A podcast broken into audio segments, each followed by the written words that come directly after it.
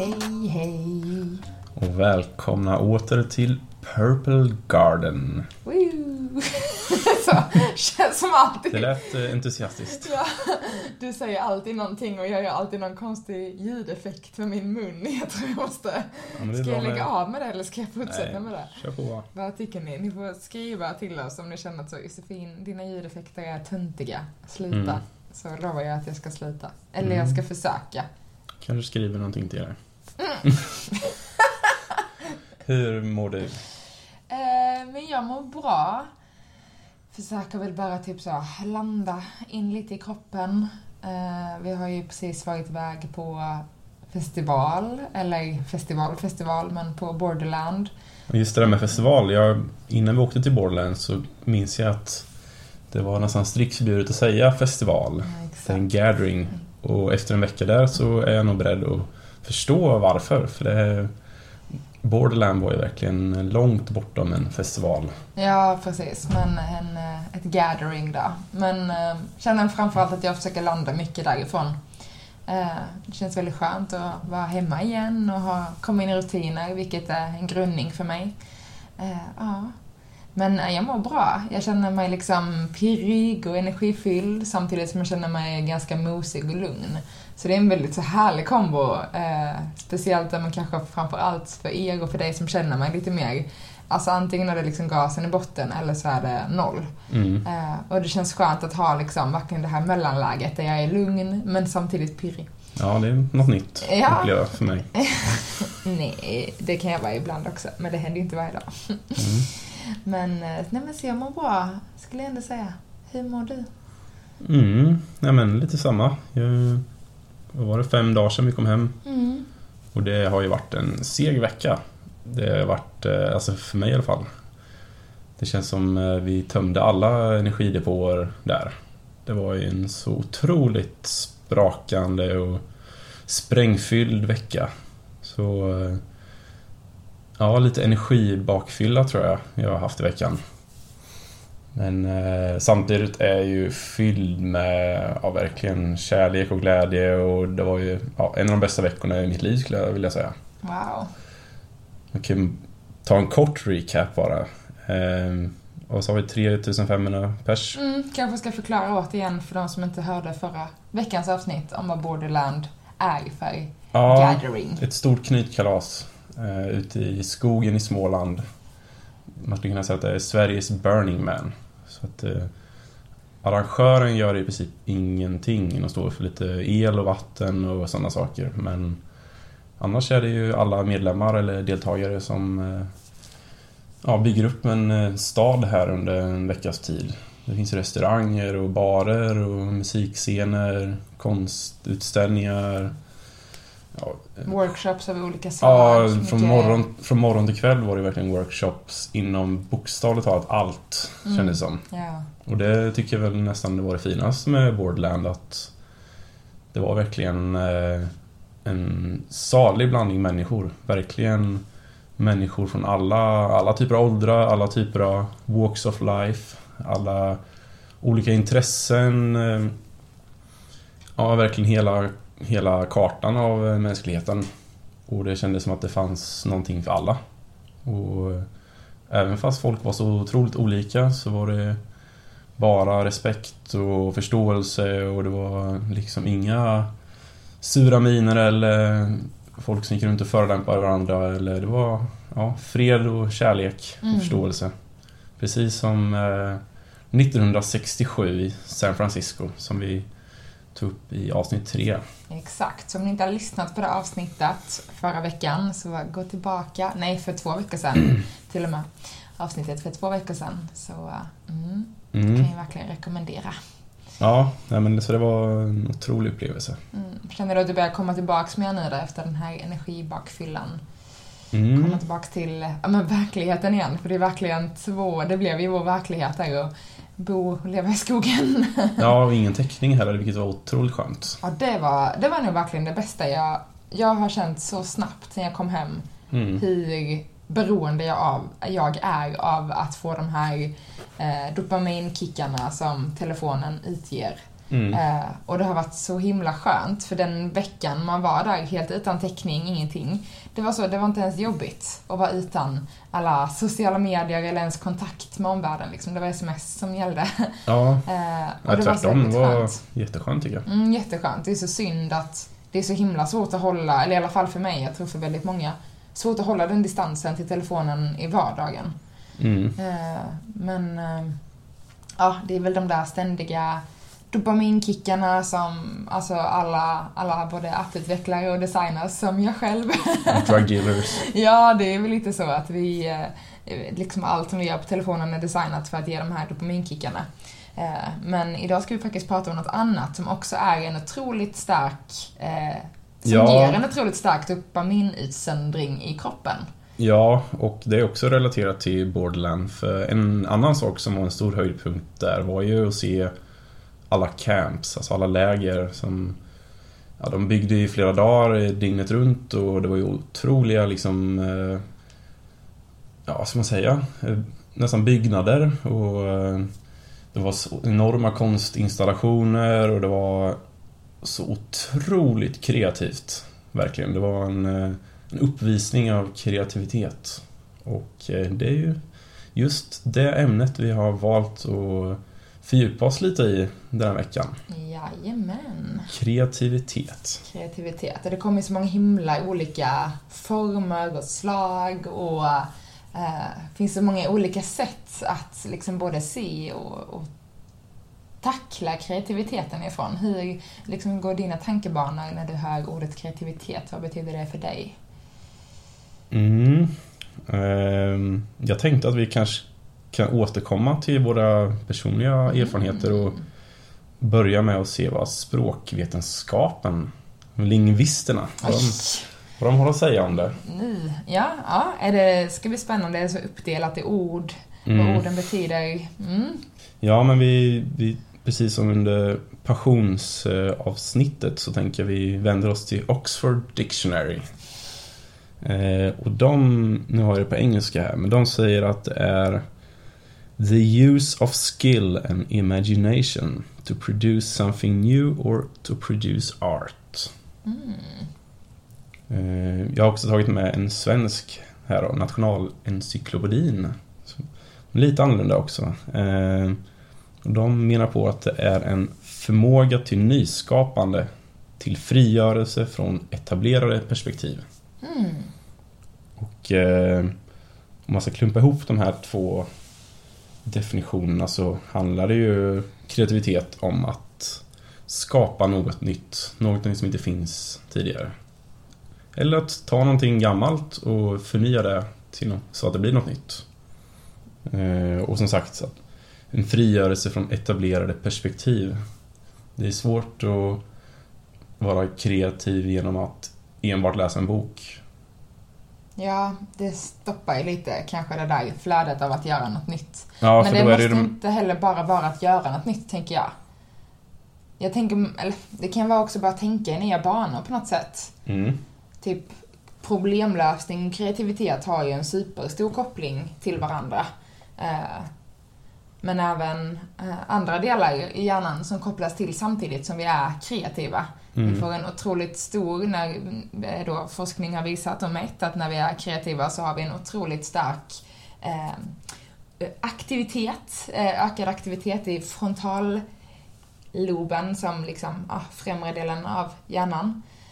Och eh, i liksom det här området så är det väldigt många olika kognitiva funktioner som då är, fram, är sammankopplade med kreativiteten. Som både planering, problemlösning, men även självkontroll. Så just när vi är kreativa så liksom engagerar vi alla de här olika komplexa tankemönstren att se saker och ting på och framförallt då att se saker och ting utifrån boxen. Mm. Eller utanför boxen. Precis, för det är ju egentligen ganska stort missförstånd där att eh, kreativitet, man tänker då, då är det liksom Steve Jobs, Elon Musk, eh, Eller konstnärer. eller konstnärer, musiker. Eh, och det är ganska, det är, visst de är väldigt kreativa, men eh, jag vill nog slå ett slag för att alla människor på den här planeten är kreativa. Ja, Och verkligen. det, och det är inte bara att eh, liksom, eh, utveckla en raket som ska till Mars som är kreativt. Så det kan ju vara små saker på jobbet. Man ska nu behöver vi eh, skriva ett mail här som gör att kunden tar det här förseningen på ett bra sätt.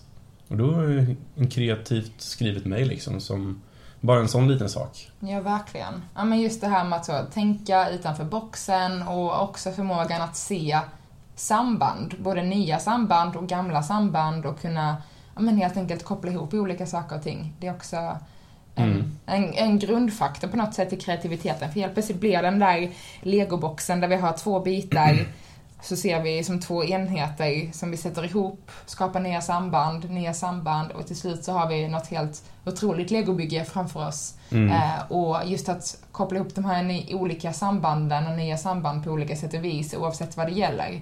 Eh, där är det verkligen en, kreativ, en stark kreativ förmåga. Ja, det, det sa ju Steve Jobs själv när han skulle definiera kreativitet. Han sa ju Creativity is just connecting things. Mm. Mm. Lite platt tycker jag, Steve, men eh, det ligger ju väl... Så att man bryter ner det så Ja. absolut lite platt, men bryter man ner det så är det inte så mycket mer än så liksom. Nej, precis. Men sen, jag undrar lite om han kanske snodde det här till och med av... eh, För han, en tidig konkurrent till iPhone var ju Nokia och de hade väl connecting things. Connecting things. Men han, han har ju rätt Steve och just det här med att connecting things, om man ska försöka tolka hans citat här så tänker jag mig att han förstod att människor ville ha tillgång till information och kunna kommunicera med omvärlden samtidigt som det var viktigt med design och användarupplevelse. Som då också ses som en väldigt stor del av kreativitet. Design och kreativitet går ju väldigt mycket Mm. hand i hand i hur vi tolkar det. Mm.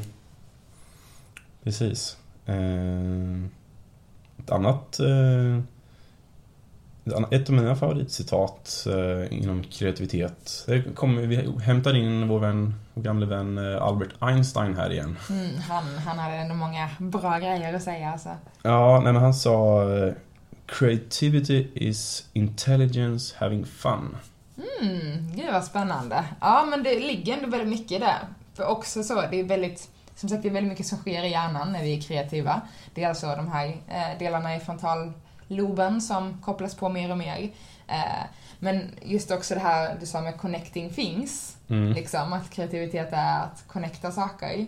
Eh, och det är en otroligt stark connection som sker mellan olika eh, regioner, inte religioner. Ja, det också. Ja, ja, det med. Men regioner i hjärnan är väl framför allt det som sker liksom. Eh, och, och just kreativitet är också något som verkligen frammanar en eh, neuroplasticitet, alltså att skapa nya, nya kopplingar och helt enkelt, ja men återigen till alkemisterna som vi har pratat om i tidigare avsnitt, hålla oss unga.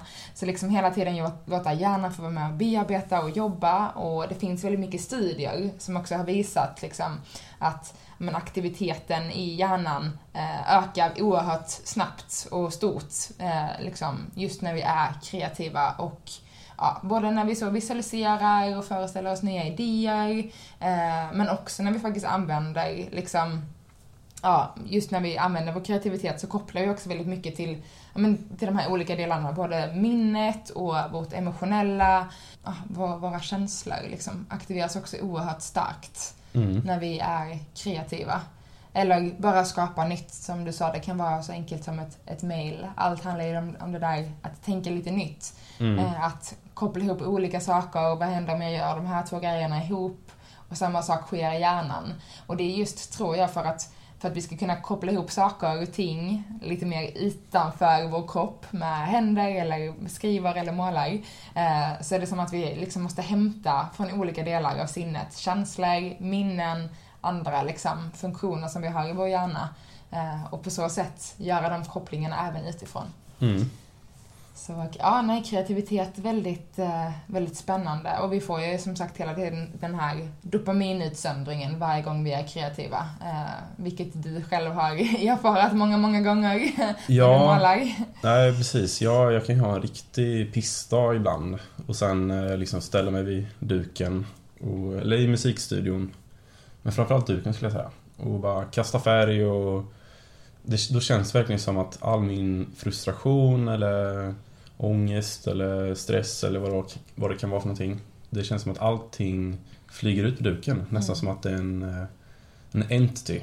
Någonting som jag har inom mig som inte har liksom en massa såklart. Men eh, att eh, det lämnar kroppen och åker ut på duken. Och det har du ju sett, alltså dels såklart själv, men också när du har hållit både co-creations, när folk gemensamt har stått och målat, då är det väldigt mycket glädje som får ta plats. Mm. Eh, men Förvånande också, glädje också. Det är många som kommer dit som aldrig har hållit i en pensel tidigare. Och nästan, ja men såklart lite nervösa, det är man ju när man testar något nytt och det känns lite osäkert. Eh, Men så har de, men precis som jag känner att jag känner mig frigjord och, eh, och avslappnad efteråt. Och det är många som har kommit fram efteråt och sagt att bara, oj, vilken, vilken härlig upplevelse det var. Mm. Och det känns som jag blev befriad från någonting. Och- Det är väldigt, väldigt vanligt. det märkte vi på Borderland. Vi Mm. hade ju en, spände upp en eh, sex meter lång duk där i vårt, i vårt camp. Där folk fick komma och måla av sig. Eh, In och eh, kolla på Instagram, Our Purple Garden, för att se bild på det här magiska konstverk. Ja, precis. Slutparentes. Ja. Nej, men de, de, det var lite samma sak där. Det var många som sa att oj vad jag lätt jag känner det. Nu vill jag bara gå ut och roa mig. Eh, Jag känner mig frigjord. Och vi hade ju också, det är ju ganska spännande, vi gjorde ju en analys eh, ganska många kvällar, du och jag och även andra, när vi satt och kollade på den här sex meter duken. Mm. Och i vårt camp på Borderland så var vi ju nio personer som helt enkelt bodde och levde. Eh, vi hade våra egna hem, tält och, och vans och bilar. Men eh, vi hade ändå bara ett, ett vardagsrum, Vardagsrum, i form av ett tält. Eh, ett stort eh, partytält. Men det var, det var aldrig några bekymmer, det var aldrig några, något gnäll, det var liksom 100% respekt och förståelse för varandra. Det var liksom ändå så nio personer en hel vecka. Eh, alla var där för första gången, det var mycket som var nytt. Det var väldigt överväldigande. Men det var ingen som liksom tjafsade eller något sånt. Men när vi tittade på tavlan och analyserade den så var det som att vi hade liksom fått ut. Ja, det var som att Den var lite våra... mörk. Ja, men det ser ut som onda andar eller som eh, eh, ja, demoner nästan. Mm. Som har, för det väldigt, var väldigt mycket ansikten, och, eller demonliknande ansikten som var väl den främsta objekten på duken. Och vi kunde ju nästan se vem som hade målat vad också. För att, eh, men det var helt enkelt folk, folk gick, framförallt i vårt camp då, alltså vårt, vårt gäng, att de gick och tömde ur allt Ah. eh, frustration och ja, man kanske har en... Och det man kanske inte visste att man höll. Mm. Framförallt skulle jag säga. Ja, men det är ju det där undermedvetna. När man inte tänker för mycket när man målar. När man bara går på intuition och känsla och under undermedvetna. Då, då kommer de här sakerna fram djupt in i skuggornas dal. Exakt. Och det var ju samma sak när du höll workshop, nu är det nästan ett halvår sedan. Då hade, vad hade vi, 10-12 personer hemma hos oss och du lärde ut den här metoden och alla hade då en egen duk. Eh, Mm. annars anordnade du ju mycket co-creations där man målar på en stor tavla tillsammans. Men du har ju också de här eh, mindre workshopsen där man får måla själv med den här tekniken du lär ut, My Meditative Art Journey. Mm. Eh, och där kunde det ju också verkligen, det var mörkt och det var kallt och det var typ februari någon gång va?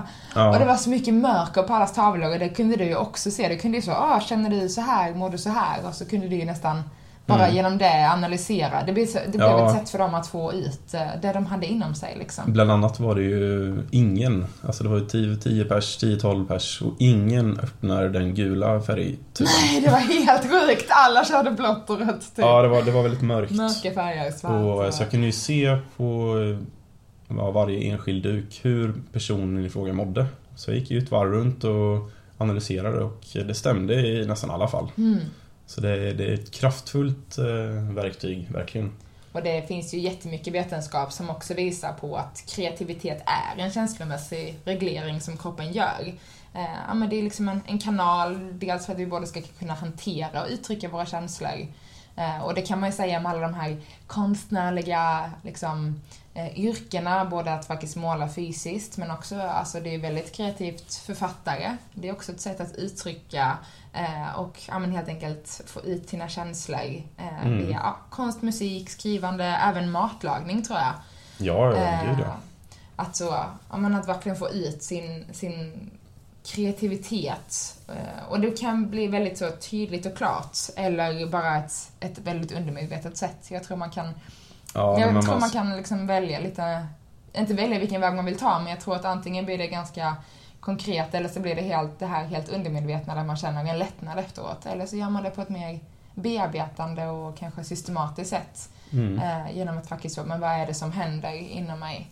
Eh, vad är det jag försöker få ut? Ja, och det har jag ju en, e- flera egna erfarenheter av. Den, den kanske största är väl, om vi vrider tillbaks klockan till 2019, 2020 där någonstans, när vi drev vårt företag. Och eh, vi hade väl drivit i tre, fyra år då kanske. Och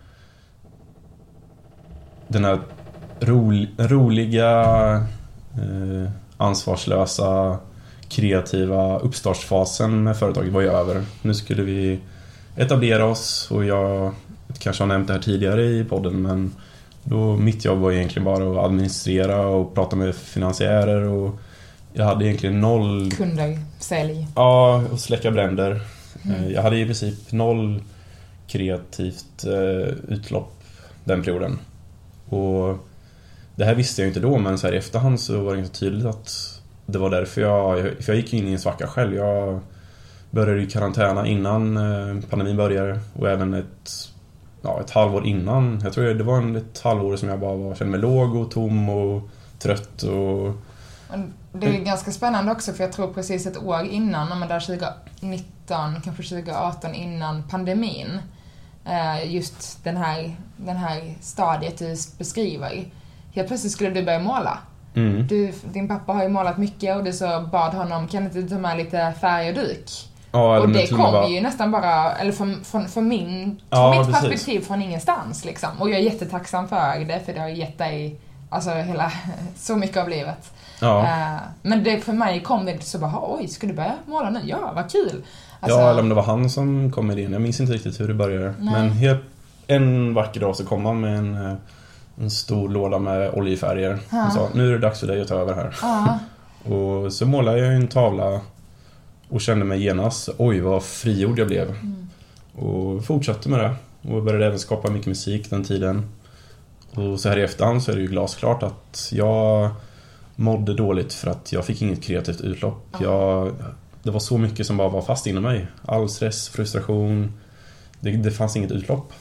Och när jag började måla och skapa musik då var det som att allting bara lämnade kroppen. och då ska man säga att du är en oerhört, och alltid varit hela livet, en väldigt bekymmersfri människa. Eh, du tar ju livet, ja men jag skulle inte säga med en klackspark, men du tar livet jävligt lätt som jag önskar att jag kunde ibland. Eh, att inte bekymra mig så mycket, att så, men låta det glada få ta plats. Ja. Istället för bekymmer och oro och måsten. Eh, men där var ju verkligen en period där börja till och med vi fast Du får börja måla helt enkelt. jag är så många andra. Jag är verkligen, alltså jag målade också mycket då till och från. Men, och jag älskar liksom att frimåla som, som vi gör. Men jag har så många andra sätt för mig. Alltså dels är jag ju designer. Eh, och, och det minns jag när vi la ner bolaget och jag var så "Ha, vad ska jag göra nu? Vem är jag nu liksom? Vem är vuxna Josefin? För då var det som att skriva om sin identitet lite när vi la Mm. ner bolaget. Eh, och jag eh, undersökte lite olika saker. Jag höll på med marknadsföring och lite analys och hit och dit. Men det jag insåg att jag ville vara, vara det jag ville göra framförallt, eh, men det var ju att fortsätta designa. Mm. Eh, och det ger ju mig sån glädje idag. Jag kan ju fortfarande, alltså jag älskar ju det jobbet jag gör. Just för att jag faktiskt får sitta och vara kreativ, jag får designa och jag har lyckan att, att inte ha så många, eller att inte ha en endaste liksom box att förhålla mig till utan den enda boxen som jag behöver förhålla mig till är den jag ritar själv liksom. Mm. Eh, vilket för mig är eh, non-existence. Du är också en, eh, en vardaglig kreatör kan man säga. Du går ju runt här i, hemma i lägenheten och optimerar saker hela Ah, tiden. hela det, finns tiden. all, det finns alltid problem att lösa. Ja, jag älskar Och finns, lösa det ing, och problem. finns det inga problem, då uppfinner du problem så att du kan lösa dem. Ja, men eh, lite så kan det vara. Men jag, jag vet inte, det är något som jag bara fortsätter skapa och fortsätta se saker och ting med nya ögon. Så, åh, men gör så här så skulle det kunna vara så här istället. Ehm, och, och jag är ju liksom en, jag gillar ju det. Och också, det är samma sak i yogan. Jag minns när jag började yoga så gjorde jag något pass eh, precis när jag började som yogalärare. Eh, och det var så, okej, men nu ska jag hålla det här passet varje gång. Eh, idag så skapas ju alla mina yogaflows in the moment. Jag vet själv inte ens vilken position som kommer efter den andra. Och det är ju definitivt en frigörande kreativitet kroppsligt. Mm. Eh, och just att komma in i det här så kallade, ja men ett somatiskt läge där kroppen själv får styra. För någonstans... sa du? Somatiskt. Somatiskt? Mm. Ja. Eh, till exempel pratar man om somatiska rörelser, somatisk dans. Eh, och det är kroppens egna uttryck kan man säga lite enkelt. Mm. Det säger att du sitter, st- står på alla fyra i katt och ko i yogan där man eh, hittar ryggflex, där man andas in och svankar och andas ut och rundar. Ja, om man inte har yoga så tänk vanliga ryggflex med ryggen på alla fyra. Eh, helt plötsligt så vill kroppen börja göra cirklar eller så vill du flytta vikten framåt i dina handleder. Du vill börja röra mer på höfter. Du bestämmer inte utan kroppen leder dig in i vad den Mm. behöver och det är så Så kallat lite lik- somatiska Så kan man säga att vårt nya koncept, rhythmic yoga, man skulle kunna säga att det är ett somatiskt koncept då? Nej, alltså lite mer åt det somatiska, men det är fortfarande en guidning. Det finns liksom somatisk yoga där man i princip aldrig blir guidad överhuvudtaget. Mm. Utan det, man är bara i kroppen. Så Det är semisomatiskt? semisomatiskt, Ja. vet, vårt nya rhythmic yoga-koncept där man då blir guidad in i positioner men väldigt frisläppt i dem. Men det är inte så mycket somatiskt så, det är mer dans. Alltså Mm. inbjudande till lekfullhet och dans. Mm. Men, men det är ett väldigt fint sätt att låta kroppen få uttrycka kreativitet. Eh, och det är något som jag verkligen har hittat via yogan med senare år och något som jag, ah, jag älskar ju kroppens intelligens och Mm. uttryck. Som också kan vara väldigt kreativt. Jag menar bara, jag menar handgester. Mm. Vi, vi kan ju vara ganska rigida i Sverige och Norden när vi sitter och pratar, händerna i knät, lite spända käkar och spända händer liksom. Men går vi ner till Medelhavet så är det stora gester och man pratar med hela kroppen. Det är också en typ av kreativt uttryck, eller ett kroppsligt uttryck. Eh, som också jag tror absolut reglerar känslor på olika sätt och vis. Jag tänker en italienare, de pratar med liksom hela sitt känslospektra. Hela kroppen? Hela kroppen, allt får vara med. Eh, och eh, det måste ge någon typ av, ja, jag vet inte ifall det är den där dopaminkicken som man får eller ifall det är någon annan utsändning av något härligt. Mm. Eh, mm. Och den friserade mustaschen den flyger i vinden. Dru, dru, dru. ja. Mm. Mm. Du nämnde ju co-creation. Och det är också en väldigt intressant eh, förgrening av kreativitet tycker jag. Ja, men exempelvis de eventen jag håller. Du som sagt, vissa kommer dit utan att ha hållit i en pensel tidigare. Och vet inte alls vad de ska göra på duken. Men sen eh, ser de att det är redan en halvfärdig duk. Det går att fortsätta där någon annan har slutat. Alltså avsluta varandras meningar. Och då blir det ju ett lager på ett lager. Alla människor är ju kreativa på olika sätt. De har olika, olika sätt att eh, attackera en duk. Eller olika sätt att... eh, Jag hanterar ett problem också. Ja, alltså vi har ju alla olika roller i livet. Ja, precis. Kanske framförallt i affärslivet är väl det vi oftast tittar på, men där har vi olika, vad vi lyfter upp och förstärker. Mm. det blir ju samma sak i detta läget antar jag. Och ingen människa är ju komplett liksom. Va? Jag är Ja, 100% komplett. Finns inget jag kan förbättra. ja. Det finns ju ett undantag faktiskt. Bortsett dig då. I- Elon Musk. Ja, jo. Han är ju både liksom kreativ, eh, högt IQ, han är väldigt intelligent och han är affärssmart, han är utvecklingssmart, han, eh, han, han, han kan hantera alla, alla olika delar i en problemlösning eller i ett koncept. Men han är å, å andra sidan en, eh, han är verkligen ett undantag. Jag Som one of begrepp. a kind. Ja, han, eh, han är väl en utomjording förmodligen. Troligtvis. Som, eh, Vill tillbaks till Mars. Ja, det är precis därför han bygger en raket nu. Ja, Men, han vill hem. men utöver Elon Musk så skulle jag vilja påstå att ingen människa är komplett.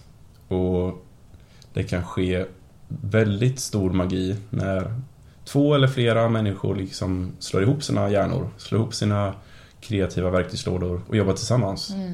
Och det är bara att kolla på de här dukarna. Alltså efteråt, jag blir helt, jag ramlar ju baklänges av att se vilken otro, det är liksom en festival som sker på duken. Och det är 100-200 olika kreativa sinnen som smälter samman. Och det dras i olika riktningar och ja, det är liksom en merge av så många ol, olika människors eh, kreativa ja, sinne helt enkelt. Mm. Och, så det, det, det skulle jag vilja lyfta fram. Just co-creation, samskapande. Mm, väldigt fint. Har vi exempelvis, eh, alltså det främsta exemplet är väl Beatles ändå. Med John Lennon och Paul McCartney. Där eh, Paul McCartney var väl mer en strukturerad, eh, ordningsamma, han eh, logiska... Han, Projektledaren. Ja, projektledaren kan man säga, verkligen.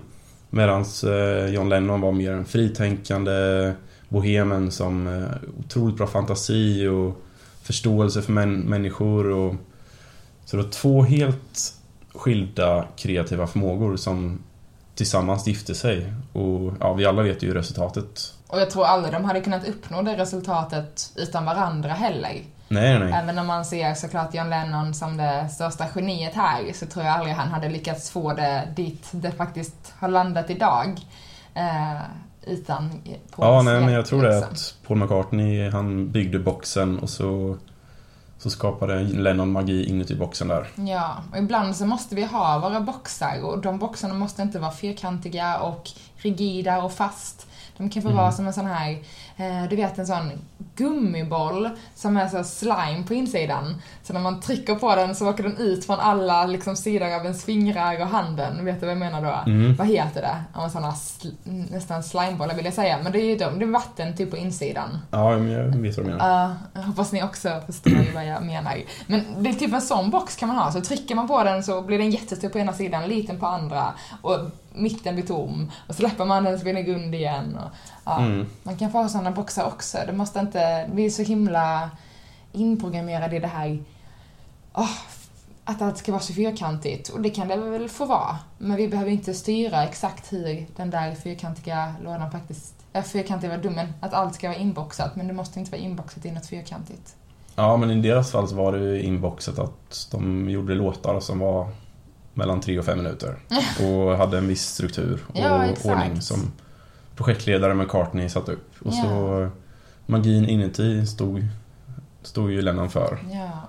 Och, Och eh, ibland så var en, en vägg lite öppen så man kunde springa ut och nosa på vad som hände här ute. ja, Eh, och det kunde man också få testa på och se vad det landade i. ja och sen, men det är bara att jämföra med när Beatles la ner. Att när, han, när John Lennon och Yoko Ono, hans fru, skapade musik och konst tillsammans. Det var ju två människor som hade ungefär liknande kreativa Mm. förmågor. Och då, det blev ju ja, men spritt språngande galet, deras, deras verk. För att det var, de, det var två stycken eh, ytterligheter som... eh, Det fanns ingen projektledare som eh, såg till att det blev en produkt som folk faktiskt tyckte om. Utan... eh, Så det, det är ett bra exempel tycker jag. Och jag tycker också så himla många av alla våra vänner och par som vi känner, alltså som lever i en relation tillsammans. Väldigt ofta man kan se den ena personen vara lite mer projektledande, strukturerad, den andra lite mer fri, lite mer kreativ. Eh, inte att det måste vara en, ett vinnande koncept. Jag tror man kan leva jättefin parrelation och vara jättestrukturerade eller vara jättefria båda två. Men det är så kul när vi tittar på våra vänner och så, ah men ser du de två tar de här rollerna, de tar de här rollerna, vi är exakt likadana. Mm. Du är fri, spritt språngande galen, jag är kontrollerad och... Ja, vi ska inte bli så megalomaniska att vi jämför oss själva med Beatles här men Nej. lite samma, samma rollfördelning på något sätt är det ju. Och det var ju också Och vi- därför vi kunde starta bolag tillsammans. Ja, vi kompletterade varandra otroligt bra. ja. Dina svagheter var mina styrkor och vice versa. Och det ska man ju verkligen också inte sticka under stolen. Det är ju jättejobbigt också i en relation, att vara så pass olika. Det är inte något som kommer gratis. Eh, och det får man jobba på hela tiden. Men det är också därför det är ett Ja. förhållande. Man måste förhålla sig till varandra.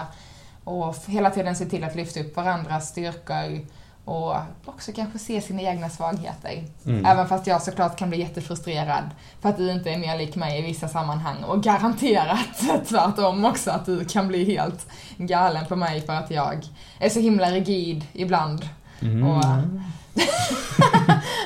Men ur en kreativ synvinkel så tycker jag att jag uppskattar det mer. Alltså det att jobba med dig är ju... Ja, som sagt, vi har olika kreativa förmågor som gifter sig väldigt fint.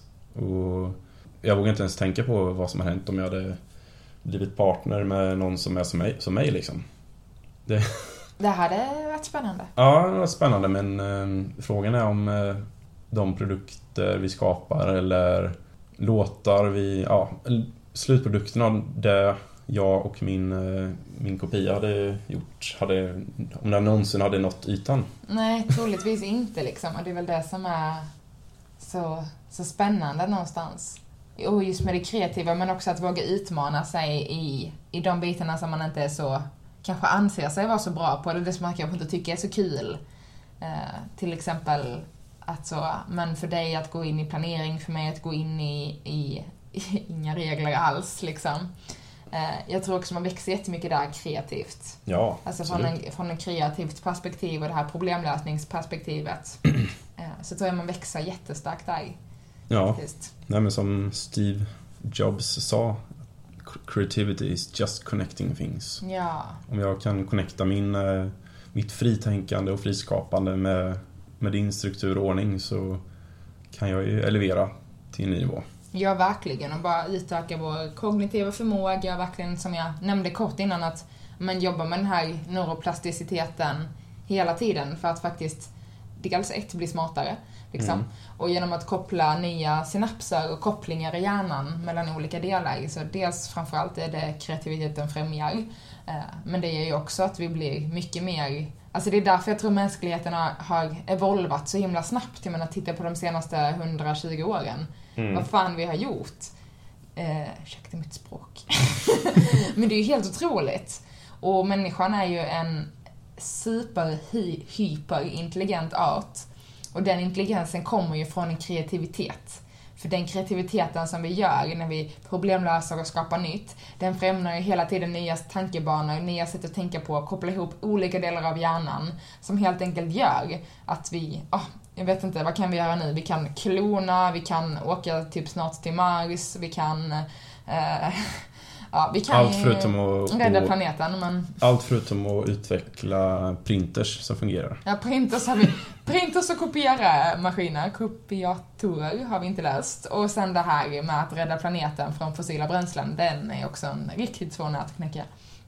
Men förutom de delarna, inte så intressanta heller från troligtvis ett ekonomiskt eh, perspektiv. Ja, nej, hade vi velat rädda planeten så nej, hade vi gjort det. För länge sedan. Ja, vi har andra andra intressanta grejer på agendan som pockar på uppmärksamheten. Exakt. Men jag, jag tror verkligen, liksom, utifrån hur mycket kreativitet verkligen främjar att vi bildar nya kopplingar i hjärnan, så tror jag att genom att vara kreativa så blir vi mer intelligentare som art. Mm. Och jag tror att snart, som också många andra har förespråkat, eller inte förespråkat, men an, antar framåt, så kommer just Homo sapiens som art, med den hjärnan vi har och kapacitet, kommer inte vara detsamma om några år. Mm. Men också nu en helt annan riktig just en anta-tanke här. Men vi kopplar ju mer och mer kopplingar mellan hjärnan när vi är kreativa. Men just när vi inte är kreativa så stänger vi ner eh, de här liksom olika kopplingarna mellan olika delarna av hjärnan dör. Och kanske någonstans det som också kan göra att så, uh, att vi, vi har mindre förmåga att tänka nytt, vi fastnar i gamla banor och det är kanske är det som leder till så mycket mer depression och ångest hos människan också. Eller mm. att det kan bli en motsatt effekt att så, om vi inte är kreativa men vi ser allt det där andra hända, men det är som att vi själva står still. Mm. kan också kanske leda till något sånt. Jag vet inte, det var en väldigt eh, fri tanke. Ja men just det där intelligens kontra kreativitet tycker jag är väldigt intressant. Mm. Och om vi ska ta ett lite mer filosofiskt eh, grepp på det här så jag har ju lyssnat på en eh, podcast ganska mycket på sistone som heter The Psychology Podcast med eh, Scott Barry Kaufman som är en professor i eh, kognitiv psykologi. Och eh, ja, dels har jag lyssnat på podden men också jag läste i hans kolumn här en artikel som heter The Philosophy of Creativity. Och just det där med att han, han pratar mycket om intelligens kontra kreativitet. Att jag tror det var fram till 50-talet så räknades kreativitet som intelligens. Det var liksom samma sak. Mm. Det fanns ingen, fanns ingen filosofisk forskning eller, eller filosofiska tankestudier kring kreativitet. För att man tänkte att det är intelligens hög IQ, då är du kreativ. Wow. Ja, och han pratade också om någon, eh, det var någon enorm studie de hade gjort. Han, det här är förresten från eh, The Scientific American, som är en eh, ja, vetenskaplig tidskrift. Eh, men då pratar han om eh, att, eller då hade de en väldigt stor studie som de kollade på väldigt många kreativa outputs. Det kunde vara liksom musikalbum, det kunde vara konstverk, men det kunde också vara techföretag, alltså teknologiska produkter, eh, affärssystem, alltså allting. I, alltså alla succéer i princip. Och så försökte de hitta vad som korrelerade med det här. Vad var det som vad var det liksom succéfaktorn bakom de här produktionerna? Och då kollade de först på IQ hos de som var med då. Är det för att folk är så smarta? Är det därför det blir så bra? Det var inte alls, det korrelerade inte alls mycket faktiskt. Det var en viss korrelation såklart, men Mm. det var, det var högt och lågt. Det var en del dummies som kom på bra grejer också. Eh, Men det de kom fram till till slut var att, eh, en, att ha en öppenhet för nya upplevelser. Mm. Det var egenskapen som i princip alla av de här fallen så när de kollade på människorna bakom så var det just öppenhet för nya upplevelser. Gud vad spännande alltså. Och det är väl lite det det handlar om att kre- vara kreativ. Alkemisterna, alltså Ja. om vi bara återkommer till dem. Låt oss göra ett avsnitt om alkemi i framtiden. ja men det ligger väl jättemycket där, det är väl också så kopplat då till, åter till den här neuroplasticiteten, att hålla oss unga. Men det säger man ju också så, ju äldre man blir desto mer fastnar man i gamla mönster. Eh, man gör det som känns tryggt. Det gör ju också att kreativiteten ett stannar av, man är mindre nyfiken på att testa nytt. Vilket också gör att man blir äldre eh, i sinnet. Mm. Men genom att aldrig sluta lära sig nya saker och alltid ha nyfikenhet så kommer vi hålla oss yngre, även fast vi är gamla liksom. Mm. men Jag tror nästan att det kan ligga i, i fatet att vara för intelligent. Ja, Om du definitivt. ska skapa en ny produkt, då, vad gör du om du är väldigt intelligent? Ja, men då går du till biblioteket. Eller ja, förr i tiden gjorde man det. Går in Google. Go- Ja, då går man in och läser och vad har andra gjort. Och så kanske blir en eh, bra tekniskt utförd produkt men eh, liksom ingen innovation eller man har ingen eh, känsla för vad användningen kanske ska vara. Eller, så just det där med öppenheten för nya upplevelser. Mm. Och jag tror också i den öppenheten av nya upplevelser så finns det något intresse kring eh, ja, men lite det här du som är användaren liksom. Det känner jag som så designar för användarvänliga upplevelser, eh, framförallt digitala. Men eh, det är så om öppenheten för att lära sig något nytt handlar också om att öppenheten att förstå olika perspektiv Mm. någonstans. Mm, precis, och det pratar han ganska mycket också om. eh, Min, min vän Scott Barry Kaufman. Eh, Just det där med att knyta ihop teknisk, eh, alltså teknisk output med människan som ska använda det och omgivningen den, där den ska vara i och mer psykologiskt perspektiv. Alltså förmågan att knyta ihop olika delar Mm. är väl, ja, det är kreativitet. Ja, men verkligen. Precis som vi sa i början, connections eh, både i hjärnan och utanför hjärnan och ja, de där legobitarna som till slut får bli någonting. Liksom. Eller Mm. de där strecken på tavlan. Oj, nu blev jag sådär riktigt tekniskt nördig här i mitt huvud. Men jag tänker så, alltså tittar man på en bild, en bild på tusen pixlar, det är tusen små rutor som utgör en färg. Men tillsammans så utgör de en bild. Mm. Men det är egentligen bara tusen olika prickar. Ja. Eller 10 000 eller 4 000 ifall vi har 4K i upplösning. Mm. Men någonstans blir det så, de här små plupparna connecting things och skapar det som vi ser som bild. Mm. Och det skulle kunna vara, det behöver inte vara något digitalt, det kan ju vara tusen prickar på en tavla eller tusen toner i en låt. Mm. Ehm, Men det är liksom tillsammans så utgör det någonting som blir något vi kan uppfatta. Mm. Eh, Men jag tror också att processen att ta sig dit, den där kreativa förmågan att ta sig från de här enstaka prickarna till det där skapandet, det är ju där magin verkligen händer. Mm. Och det är väl också någonstans liksom som du har varit inne på massvis när du målar, du kommer in i liksom nästan ett transliknande stadie. Eh, liksom, där, vi, där blir vi eller du, man blir liksom fullt absorberad av Ja, den kropp, kreativa kroppen, processen. stänger, kroppen stänger av. Kroppen stänger av. eh, Och någonstans handlar det ju om en otroligt djup koncentration. Jag skulle faktiskt vilja mm, dra en liten parallell här eh, in till yogan. Vi pratade massa Mm. konst här, vi kommer alltid in på konsten. Jag vet inte varför. Yoga! Det är min specialitet här. Men jag skulle vilja dra in en filosofisk eh, eh, aspekt från yogans ah, filosofiska värld. Där vi har vår åttafaldiga väg som en herre som heter Patanjali skrev Ehm, för, ja, i början av, eh, eller ja, för ungefär 2000 år sedan. Och, ehm, och de här åtta, det är då åtta steg som, som leder en till upplysning kan man väl säga. Eh, där jag kan bara ta dem väldigt, väldigt snabbt. Eh, vi kommer säkert djupa in, gå djupare in i dem vid ett senare tillfälle men framförallt så leder alla till nästa steg så jag vill liksom bara dra igenom dem jättekort. Men först är liksom hur vi förhåller oss till, till omvärlden. Sen kommer det hur vi förhåller oss till oss själva. Och sen kommer eh, yoga som är liksom asanas och positioner. Och sen kommer meditation. Sen kommer andningsövningar. Sen kommer bortdragandet av sinnet och koncentration. Och här någonstans är ju där kreativiteten också får ta plats. Liksom. Mm.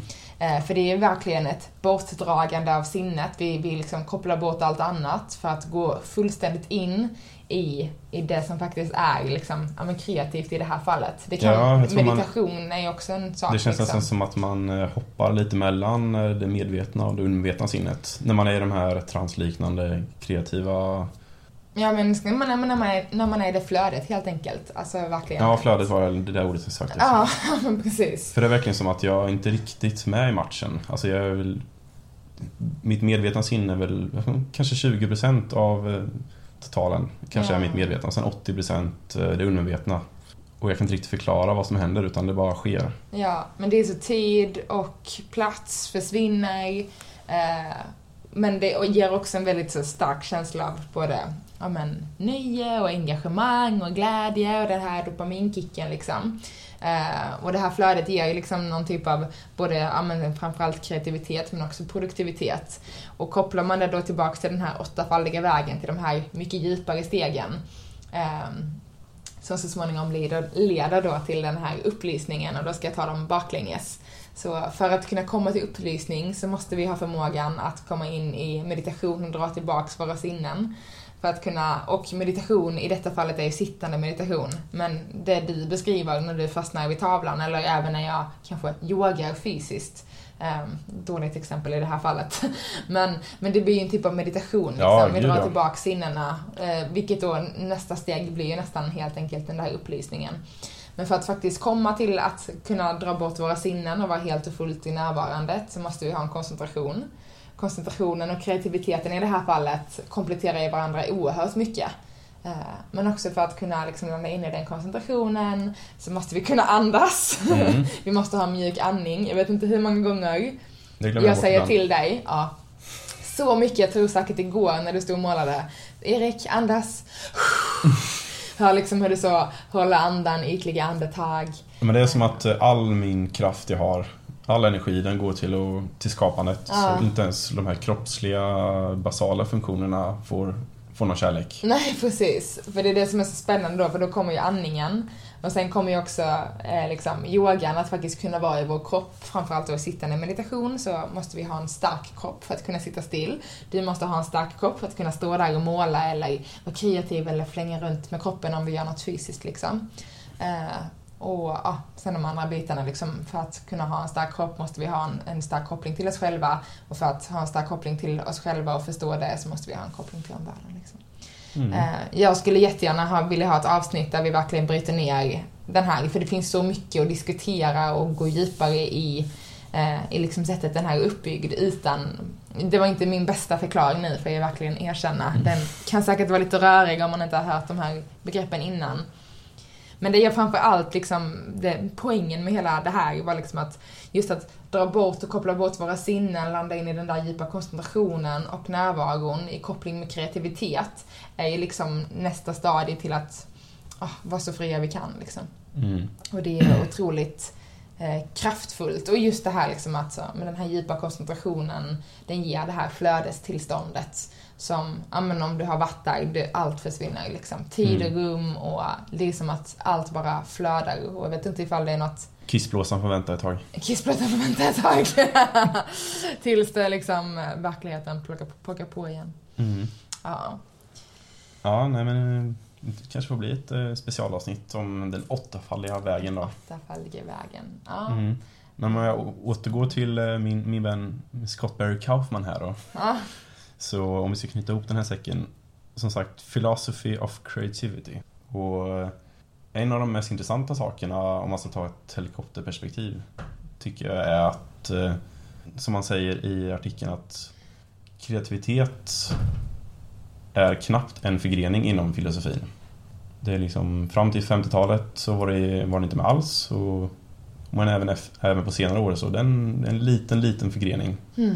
Så jag skulle vilja plocka ut ett citat här från eh, hans artikel. Yes. Som jag tycker, nu ser jag att jag har skrivit på engelska, men jag kanske kan översätta det i realtid. Oj. Det finns väldigt lite som formar den mänskliga upplevelsen så djupt och omfattande som kreativitet. Kreativitet driver framsteg i alla mänskliga områden.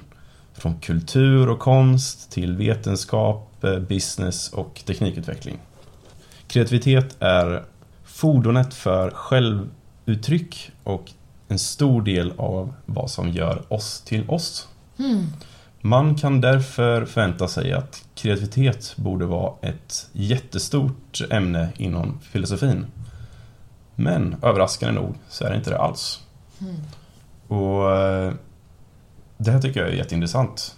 För som man säger, kreativitet ligger ju bakom alla uppfinningar, all, allting vi ser omkring oss. Ja. Det är ju kreativa människor som har varit där och skapat.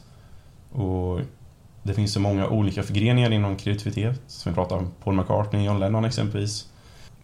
Och även att vi lyfter fram de här, John Lennon och Steve Jobs och de är ju halvgudar.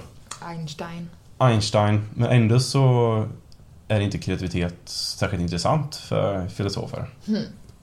Vilket... Eh, Jättekonstigt. ja. Jag har faktiskt kollat runt lite och det är inga stora filosofer som pratar om kreativitet. Vad tror du det kan bero på då? Har du någon, har du någon tanke när du har tittat runt på det? Är det inte för att det kan vara så oerhört ogreppbart? Ja, men det borde ju filosofer gå igång på ännu mer, tänker jag. Ja, jo, sant. Det är väl just det där med att det har förknippats med intelligens så mycket Ja. tidigare. Att det kanske fortfarande gör det hos många. Mm. Men jag känner mig nästan eh, manad att börja filosofera mer kring kreativitet nu. Ja, det har vi gjort här i snart en timme. Fantastiskt härligt filosofiskt samtal kring kreativitet. Ja, får man ju Eh. verkligen säga. precis. Vi kanske bidrog till... Låt oss starta det här ja, Har vi någon filosof där ute som eh, är sugen på att eh, sätta tänderna i något nytt? Kreativitet. Go for it. go for it. Men det är också en sak så, alltså absolut att ingen filosof har tittat på det här. Varför läser vi inte kreativitet i skolan? Varför inte ett ämne kreativitet? Varför hyllar vi inte det här mer och mer? Alltså Ja. det är så starkt. Jag, tyck, jag minns vi har kollat på några Explained och några eh, serier och dokumentärserier på Netflix om kreativitet. Mm. Ja, det börjar ploppa upp här och där. faktiskt. Ja, precis. Det är oerhört intressant. Men, och där pratar de ju också om, vissa säger att det är jättekopplat till, konstnär, till det konstnärliga. Vissa säger att det inte är det alls. Ja, nej, det är väldigt spännande alltså. Eh, kreativitet. Mm. Mm, och oss, eh, eh, hur det påverkar lycka. Hur det får oss att bli lyckligare. Ha. Som jag pratade om i dagens avsnitt. Att för min del var det ju en eh, kapitelvändare av Guds nåde. När jag förstod det, att det var, en, det var kreativiteten som saknades i mitt liv. Det var därför jag kände mig nere. Mm. Jag fick inte utlopp. Det var som att det var en, eh, en atombomb inom mig som bara, det var liksom energier som bara flög omkring som inte kunde ta vägen någonstans. Mm. Det var fast där inne. Och sen bara öppna ventilen, ut på duken och genast så började jag må bättre. Och kunde sova på, bättre på nätterna och känner mig mer harmonisk och grundad. Och, eh, så det är otroligt intressant tycker jag hur, kre- hur kreativitet inte bara är någonting som skapar stordåd utan även får oss ja, gemen, gemene person att bli lycklig. Ja, och just jag tror mycket, alltså framförallt kreativiteten, dels för dig och för många andra. Alltså det handlar ju, alltså kopplat till lyckan då är ju nyet. Att komma tillbaka till nyet, till närvaron. Mm. Och det tror jag är en sån stor del som är kopplad till lyckan. Att så, men vara här och nu, inte ha bekymmer, inte tänka på prestation eller motstånd, utan bara få vara här och nu i det här flödet, i det här liksom Precis. Är- flödestillståndet där man bara tar sig framåt liksom. Ja, för när man är kreativ då går det inte att leva i framtiden. Nej. Då Eller att- dåtid. Eller älta det förflutna. Då är man i stunden. Mm.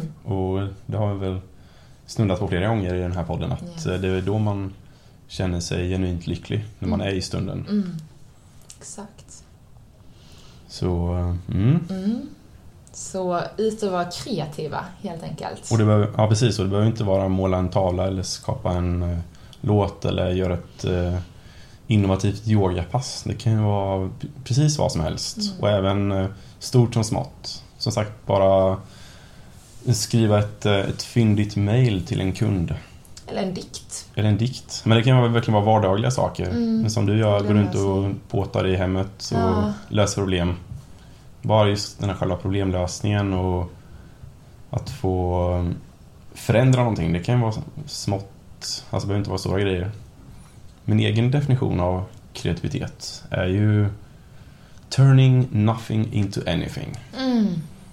Och eh, jag känner ju att det, när jag börjar med ett blankt papper och ska skapa någonting, eller en blank duk eller en, ett tomt eh, eh, ark i musikstudion.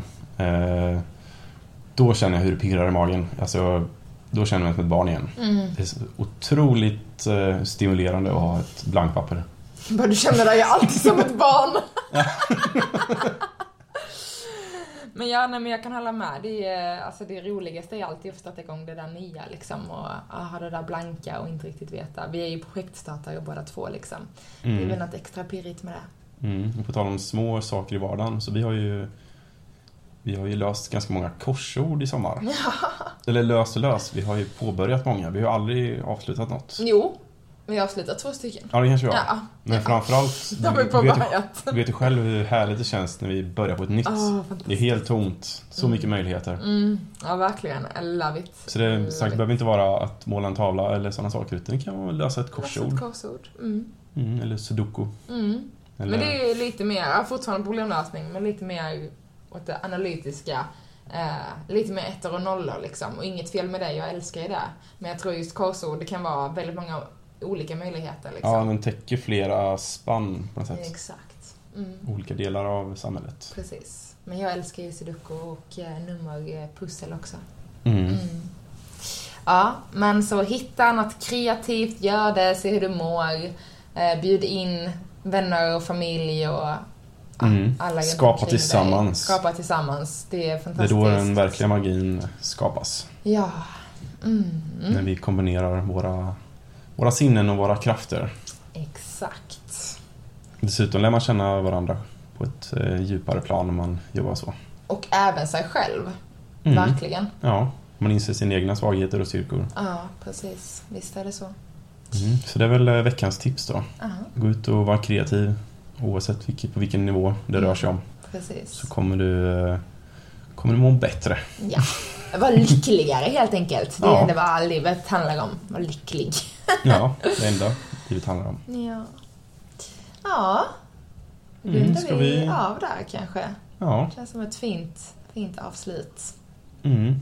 ett fint eh, avsnitt. Mitt, eh, mitt personliga favoritämne. Ja, det är väldigt fint. Och en eh, grundbult i min egna lycka. Ja, och eh, en, ett, ett ämne som vi kan filosofera vidare mycket kring, skulle jag tro framåt. Det kommer säkert komma mer avsnitt kring kreativitet och ja, angränsningar till kreativitet och lycka. Mm. Men eh, var hittar man oss om man vill komma i kontakt med oss? Dels eh, om man kanske vill eh, att vi ska bjuda in en specifik gäst, prata om något speciellt ämne eller bara masa på oss och säga vad du tycker om podden. Var hittar man oss då, Erik? Ni hittar oss på Our Purple Garden På på Instagram. Instagram. Ja. Där är det högt i tak, så det är bara att ösa på med feedback och frågor och kritik och ja, som Allt. sagt önska nya ämnen eller gäster eller vad ni nu behagar. Ja, Precis. Eller ifall ni så, mer eller mindre av Josefins ljud. Mm. Lido. Nej men ditt, ditt ljud är upp, uppiggande tycker jag. Tackar. Och eh, det hade också betydit oerhört mycket för oss ifall ni vill, ja, men om ni inte redan nu följer podden, så gärna följa den. Och även eh, ja, lämna en review, en kommentar så att vi kan få sprida våra filosofiska tankar och idéer vidare till flera. Mm. Världen behöver det. Exakt, ni hörde det. Ingen som filosoferar kring kreativitet. Vi kan inte vara de första. Så låt oss sprida de här tankarna vidare. Och eh, det är möjligt med er hjälp, så det hade vi varit oerhört tacksamma för. Om det känns rätt och genuint för dig såklart. Och så önskar vi väl alla en oerhört fantastisk fortsatt fin dag, kväll, vecka, natt. Ja, Mm. oavsett när man lyssnar på det här. Och lyssnar ni på fredag när vi släpper det så ha en riktigt trevlig helg. Ja, exakt. Det kan vi bara flika in lite. Vi släpper det här på en fredag för att fredagen är fan en fin dag alltså. Ja, det är den bästa dagen på veckan. Bästa dagen på Och veckan. Bubblar i, bubblar i kroppen. Ja, bubblar i kroppen. Dam, dam, dam. Ja, på tal kanske ni tar ett glas bubbel. Ja, Det är också en rekommendation. det är också lycka. Mm. Bubbel och lycka. Ta hand om er där hemma så hörs vi igen nästa vecka. Mm. Puss och kram. Puss puss!